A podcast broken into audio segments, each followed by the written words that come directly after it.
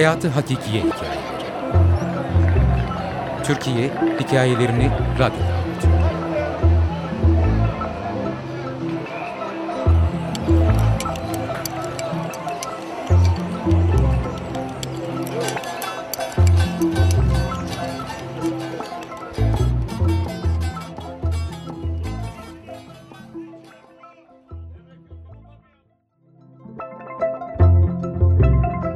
Sela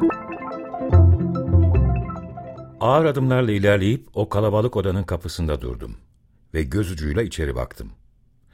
Aylardır olduğu gibi yine tıklım tıklımdı. Birileri sürekli konuşuyor, birileri dua ediyor, geri kalanlar da sessizce ağlıyordu. Zayıflamaktan küçülmüş ve saçları dökülmüş olan dedem, eski kanepede yorganın altında titreyerek yatıyordu. Acılarının nedenli katlanılmaz olduğu, çıkardığı iniltilerden belliydi. O an için kimse tarafından hissedilmeyen varlığımla odaya girdim. Dedem geldiğimi görür de belki sevinir, bir nebze olsun acısını unutur diye. Öyle ya, hayatta en sevdiği insan bendim. Çünkü hep öyle diyordu. Ve ona olan güvenim öylesine sonsuzdu ki, omuzlarımda birinin en sevdiği olmanın verdiği o yükü taşıyordum.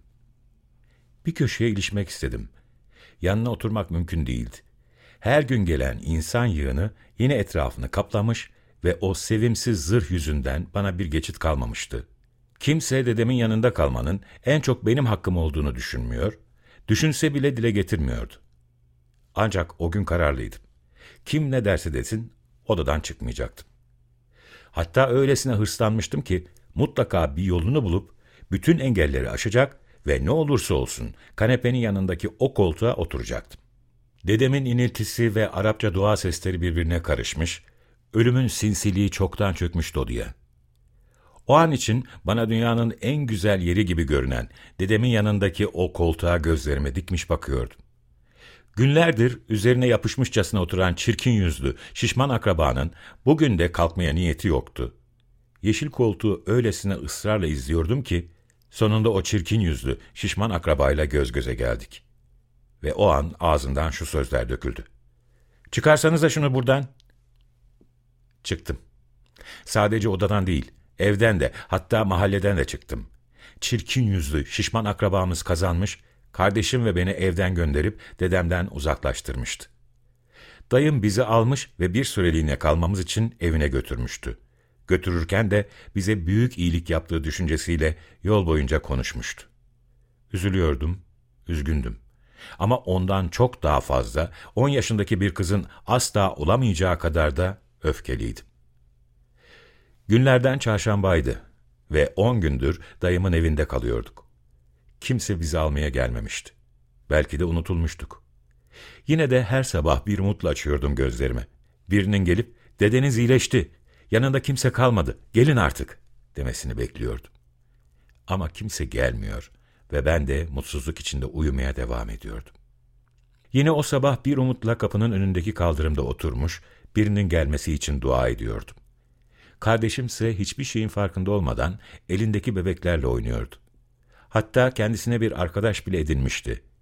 Onun bu hiçbir şeyi umursamayan tavrına kızıp kendi kendime söylenirken bir sela okundu.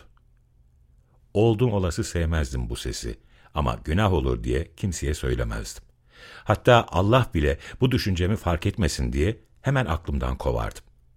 Ancak işte yine okunuyordu ve ben yine duymayı sevmiyordum. Ve birden bir şey oldu.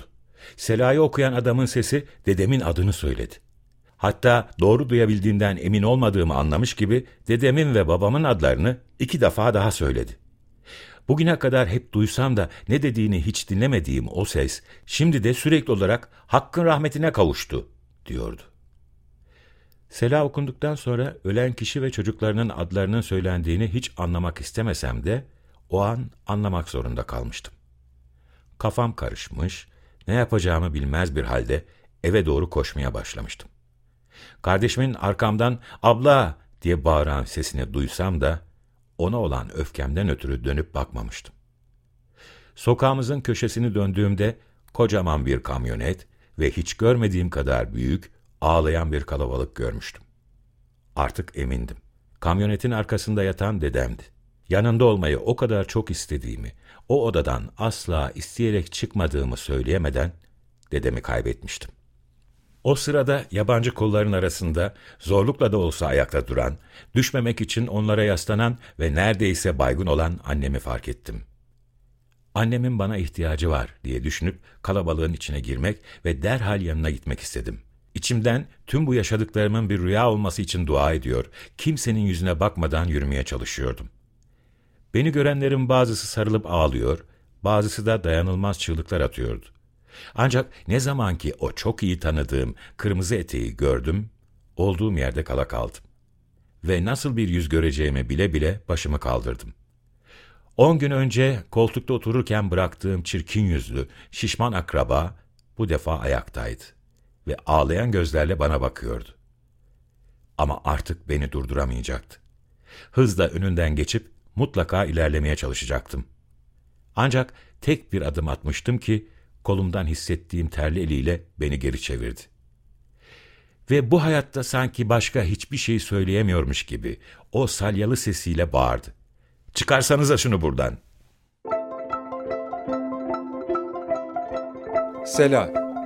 Yazar Ayşe Akekin Başkaya. Editör Hakan Günday. Okuyan Adnan Acar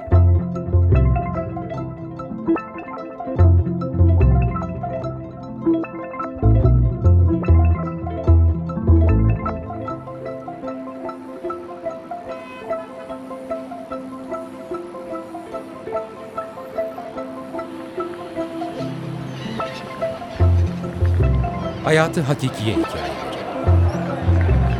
Türkiye Hikayelerini Radyo'da